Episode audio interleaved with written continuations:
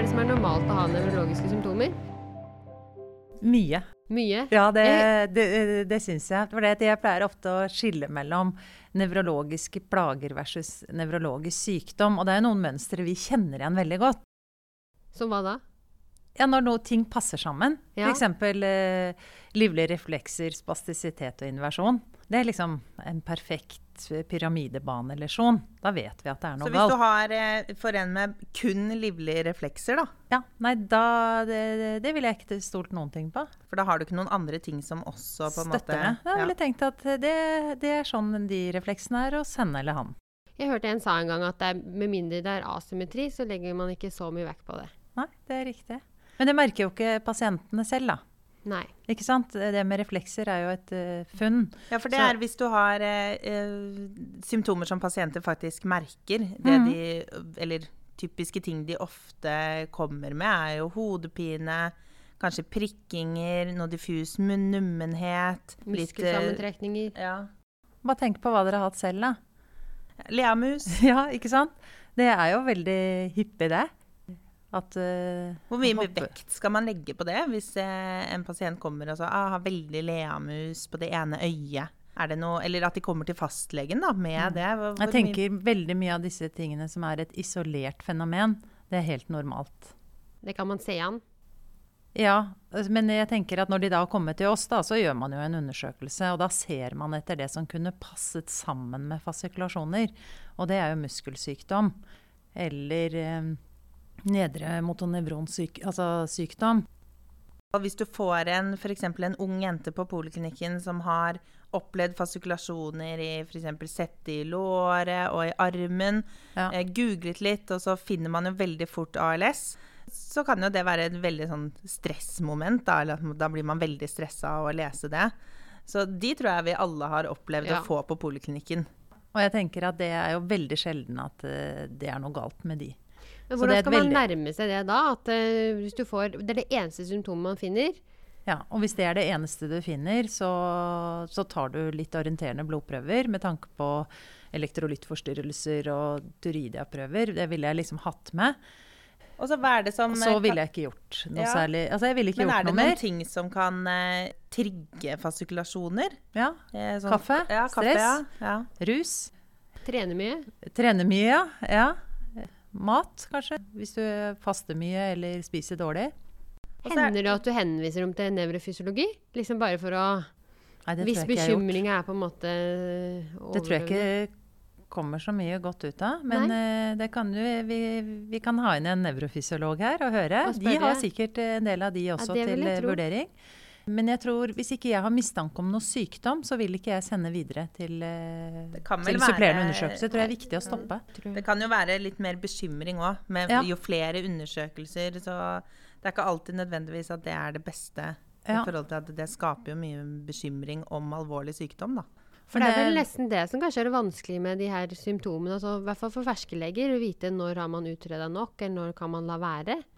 Men jeg tror veldig mye er normalfenomener, eller fenomener som kan svinge litt. Da. Og du har jo si, nummenhet, f.eks., som også kan komme og gå litt. Og de aller fleste har kanskje litt sånn inneklemming av enkelte perifere nerver i perioder. Hvis du sitter lenge på dolokket f.eks., så blir man nummen på baksiden av lårene. Hvis du sitter virkelig lenge, i hvert fall. eh, eller Beina i kors. beina i kors, f.eks. Eh, så, og det er jo helt normale ting å oppleve, men det er klart at det er jo en liten affeksjon av de perifere nervene. Men, men det er ikke noe farlig, og det er jo ikke noe vi behøver å utrede eller gjøre noe mer ut av. eh, Enn å si at det er normalfenomener. Og hodepine også er jo et helt Men hvis, normalt man, fenomen. hvis vi tar tilbake til nummenhet, da. Det, det kan jo være litt Altså, nummenhet kan jo òg være tegn på alvorlig sykdom. Ja. Da. Eh, altså isolert nummenhet. Demiliserende sykdom kan jo ofte debutere med Bare det, ja. bare nummenhet. Ja, ja, det er jeg enig i. Og jeg syns jo at det er vanskelig. Men jeg syns at når det følger noen mønstre som kan passe med noe sentralt, eller når det er i begge beina, eller har At det er symmetrisk. er vedvarende, så syns jeg at de fortjener en utredning. Men ting som kommer og går, og som flytter på seg, det, det tenker jeg er et godt tegn, da. Og så har man veldig, veldig mange kommer jo med hodepine, svimmelhet. Ja. Det er jo noe som eh, altså Mesteparten av befolkningen har jo opplevd det fra tid til annen. Men det kan jo òg være litt vanskelig å skille. Det fins jo eh, Akutt hodepine, f.eks., kan jo være et tegn på alvorlig sykdom, da. Så det er jo et, et veldig vanskelig sånn sett eh, symptom. Ja, jeg er veldig glad ikke jeg sitter på legevakta. Ja. For jeg tenker at de sorterer mye for oss. Det, men det er klart at vi har jo noen sånne symptomer som vi reagerer veldig på. Altså hvis du har hodepine sånn med nevrologiske på. Ja. Ja. Hvis du har hodepine med nevrologiske utfall, ja, da skal vi se dem. Eller hvis du har så mye hodepine at det plager deg i hverdagen. Men det å ha hodepine sånn litt nå og da, det reagerer jo ikke vi noen ting på. Det tenker vi at er det, det er sånn vi er bygd. Hva med noen synsforstyrrelser, da? Kan man ha noen type synsforstyrrelser som eh, man kan si at er normalt å ha? Der fins det jo ganske mye. Eh, og en som jeg syns var litt artig å lese om, eh, som faktisk sto i tidsskriftet, det var eh, transitorisk eh, mobiltelefonblindhet. OK, det har jeg aldri hørt om. Nei, Det er eh, en eh, ny diagnose. Ja. Eh, det er et normalfenomen, da. Det er når man legger seg om kvelden, så er det noen som leser med ett øye. Skrur av lyset. Og så eh, leser man da på mobiltelefonen. Og da er jo den mobiltelefonen helt lys, med full lysstyrke. Ja, ja. Og da, det øyet som blir lukket, blir jo mørkeadaptert, og det andre blir eh, eh, adaptert av lyset. Så da, når man har lest en stund, så kanskje man har lyst til å gå ut på do, da.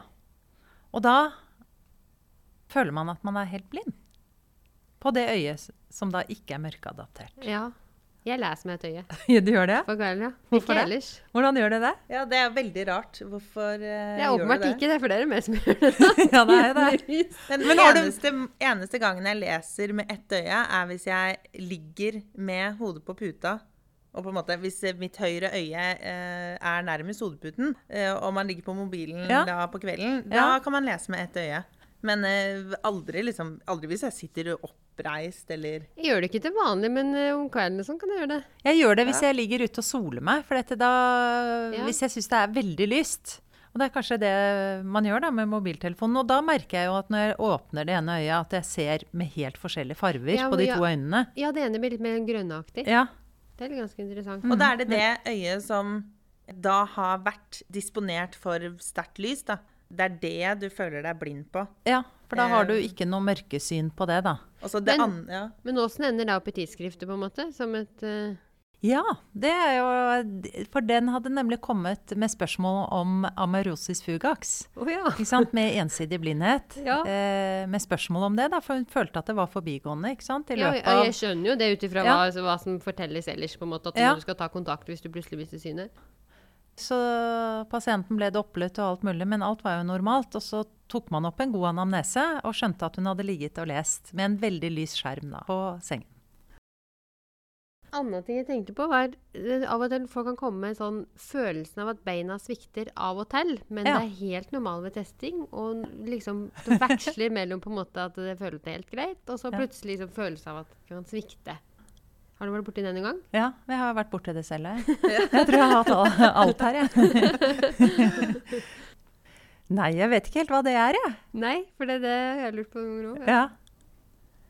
Eller Men hvis man undersøker og finner ingenting, og det Ja. ikke er noe alarmerende, og det, ikke er, og det er bilateralt, og det ikke er noe mistanke om noe slag eller sånne type ting, bare sånn Veldig Ofte korte jo- fenomener, da. Ja, ofte så er de ganske unge, og ofte så er det ikke en lammelse heller. Det kommer mer sånn følelse Følelse av tyngdefornemmelse eller Ja. sånn ra, rare ben. Ja, men det mm, Jeg kan ha det hvis jeg bærer på en helt spesiell måte, så kan jeg føle at på en måte beina bare blir eh, Ja, de, de svarer ikke på samme måte, men eh, vet at det ikke er noe galt.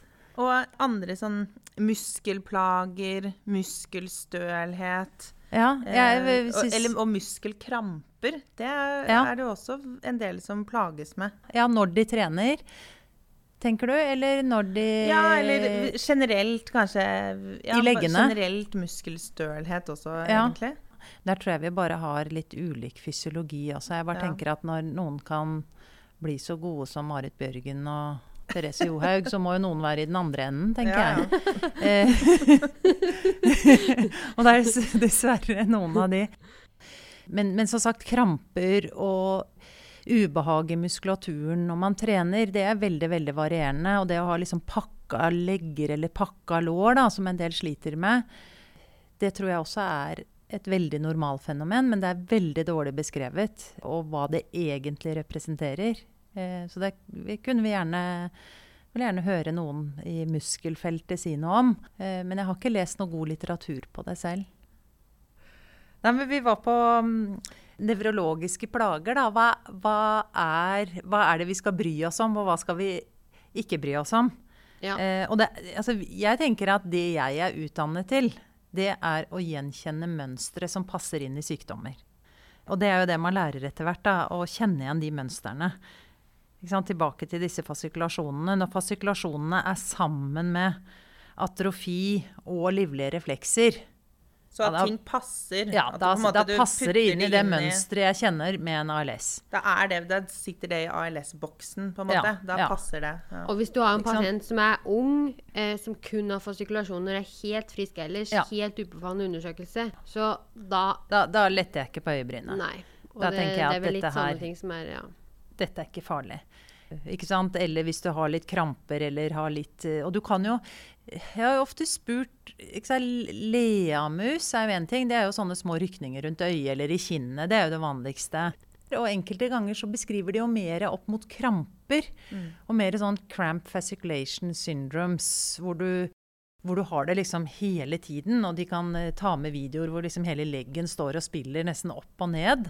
Eh, og hvor det har kanskje hendt etter en eh, lang løpetur, eller de har vært helt utmattet, eller og, og det er jo også på en måte normalfenomener, men samtidig så begynner man å bevege seg opp mot ting vi ikke helt vet hva er. Men som fastlege er det vel greit når det kommer sånne ting å henvise, så kan liksom en Ja. nevrolog si det. Det, kan, det tenker jeg også. Det Ja. gjør ikke noe at vi ser, en, ser på en del. Eh, men, men likevel så er det de liksom, tingene som henger sammen, som vi kjenner igjen. Ikke sant? At vi kjenner igjen en perifer nerveskade. Ikke sant? Da må de og de musklene være ødelagt sammen med det sensoriske utfallet. Veldig mange ganger så er det jo ting vi rett og slett ikke kan forklare. Ja. da, Det syns jeg er skikkelig frustrerende noen ja, ganger. Ja. da må man jo bare si at det, er, det her kan vi ikke forklare, men Ja. man tror at det er normalt. Og Det er et normalfenomen som vil gå over. Jeg pleier å si at vi har undersøkt for det vi tenker kan være farlig, eller som Ja. vi skal gjøre noe med, og det Ja. finner vi ikke noe tegn til. Det, vi, det som er farlig, og det vi har behandling for. Og da tenker jeg at eh, da kan man jo gjøre én av to ting. Sende tilbake til fastlegen. Eventuelt også av og til sette opp på kontroll hvis man tenker at man er så usikker på de funnene man har gjort, og at man tenker at det vil være litt interessant å se på forløpet her. Da tenker jeg at la det gå litt tid, da, se en gang til. Det gjorde jeg mer i starten, og så var det jo veldig mye som gikk over. Og så kunne de kanskje også forklare hva var det som har, har skjedd. Ja, for det er jo litt ofte Ja. så sier, eller nesten sånn sier på sånn standard at hvis det blir noe nytt, eller noe verre, så ta kontakt på nytt Mm. at Mm. vi er fastlege. Så er det alltid litt sånn å si det på en sånn måte som gjør at hvis man har tenkt at dette er ikke noe farlig, dette er, Ja. går over, og si det på en sånn måte at du har roa ned bekymringer, men allikevel at de ikke er redde for å ta kontakt på nytt hvis du skulle komme på noe mot formodning. Men hvis man skal eh, oppsummere litt her, da, så er det veldig mange av de her symptomene vi har nevnt, som man kan tolke som helt ufarlig. I hvert fall hvis de kommer isolert for seg Ja. selv. Eh, både liksom prikkinger, fasikulasjoner, eh, nummenhet Myoklonier nevnte vi så vidt, men det gikk Ja. ikke helt inn på. Kan vi Nei. ikke bare ta det før vi oppsummerer? ja, det kan vi gjøre. Myoklonier er lov om kvelden. Ja. Eh, eh, Kan vi ikke, bare, definisjonen på myoklonier, det er Veldig raske, eh, brå bevegelser. Eh, plutselige rykk. De skal være veldig raske. Og det er jo de du har idet du sovner og føler at du detter ned i et hull. Ja. Tjunk, ikke sant? Eh, det er lov. Ja, det er En eller to ganger. Du skal ikke ha det om morgenen. Da er det mistanke om sykdom. Hvilken sykdom Hvis du har det på dagen ellers, da? Du skal ikke ha det om dagen. Nei. Det er Du skal ikke ha det om dagen. om Du skal bare ha det hvis du er trøtt. Da kan, altså hvis du da er en som har lett for å sovne, så kan du jo kanskje ha det hvis du sovner i en type forelesning Ja. eller ja. Så denne type Det er egentlig den følelsen når du legger deg, er veldig trøtt, og så sovner du, og så liksom rykker du Ja. litt akkurat. Ja, Akkurat den følelsen. Ja. Ja. ja det, det tror jeg de aller fleste. Det er helt, helt greit. Men Hva tenker man der, da, hvis man har det ellers? Hvis ja, har det på ellers. morgenen eller Ja, da dagen. begynner vi å tenke på mer eh, myoklone tilstander. F.eks. juvenil myoklonus epilepsi. Ja. Det ville være det første jeg ville tenkt på. Så myoklonier på kvelden, det òg kan være normalt. Ja. ja. Og nummenhet, kriblinger Fasikulasjoner, litt kramper. Ja, ja. Litt synsforstyrrelser, eller disse synsfenomenene vi snakket om. Mm. Og så kan man jo oppsummere med at hvis, hvis du finner andre symptomer som du kan putte i disse boksene vi har snakket om, f.eks. ALS-boksen, eh, andre typer ting, da burde man gå videre med, med utredning, da. Så hvis man finner noe på nevrologisk undersøkelse, Ja. hvis det er atrofi, livlige reflekser, at de sensoriske mønstrene passer med dermatomer eller perifere nerver, ja, da må du gå litt videre. Nei, men, eh, tusen takk for at du ble med oss i dag, eh, Jeanette. Ja, vær så god.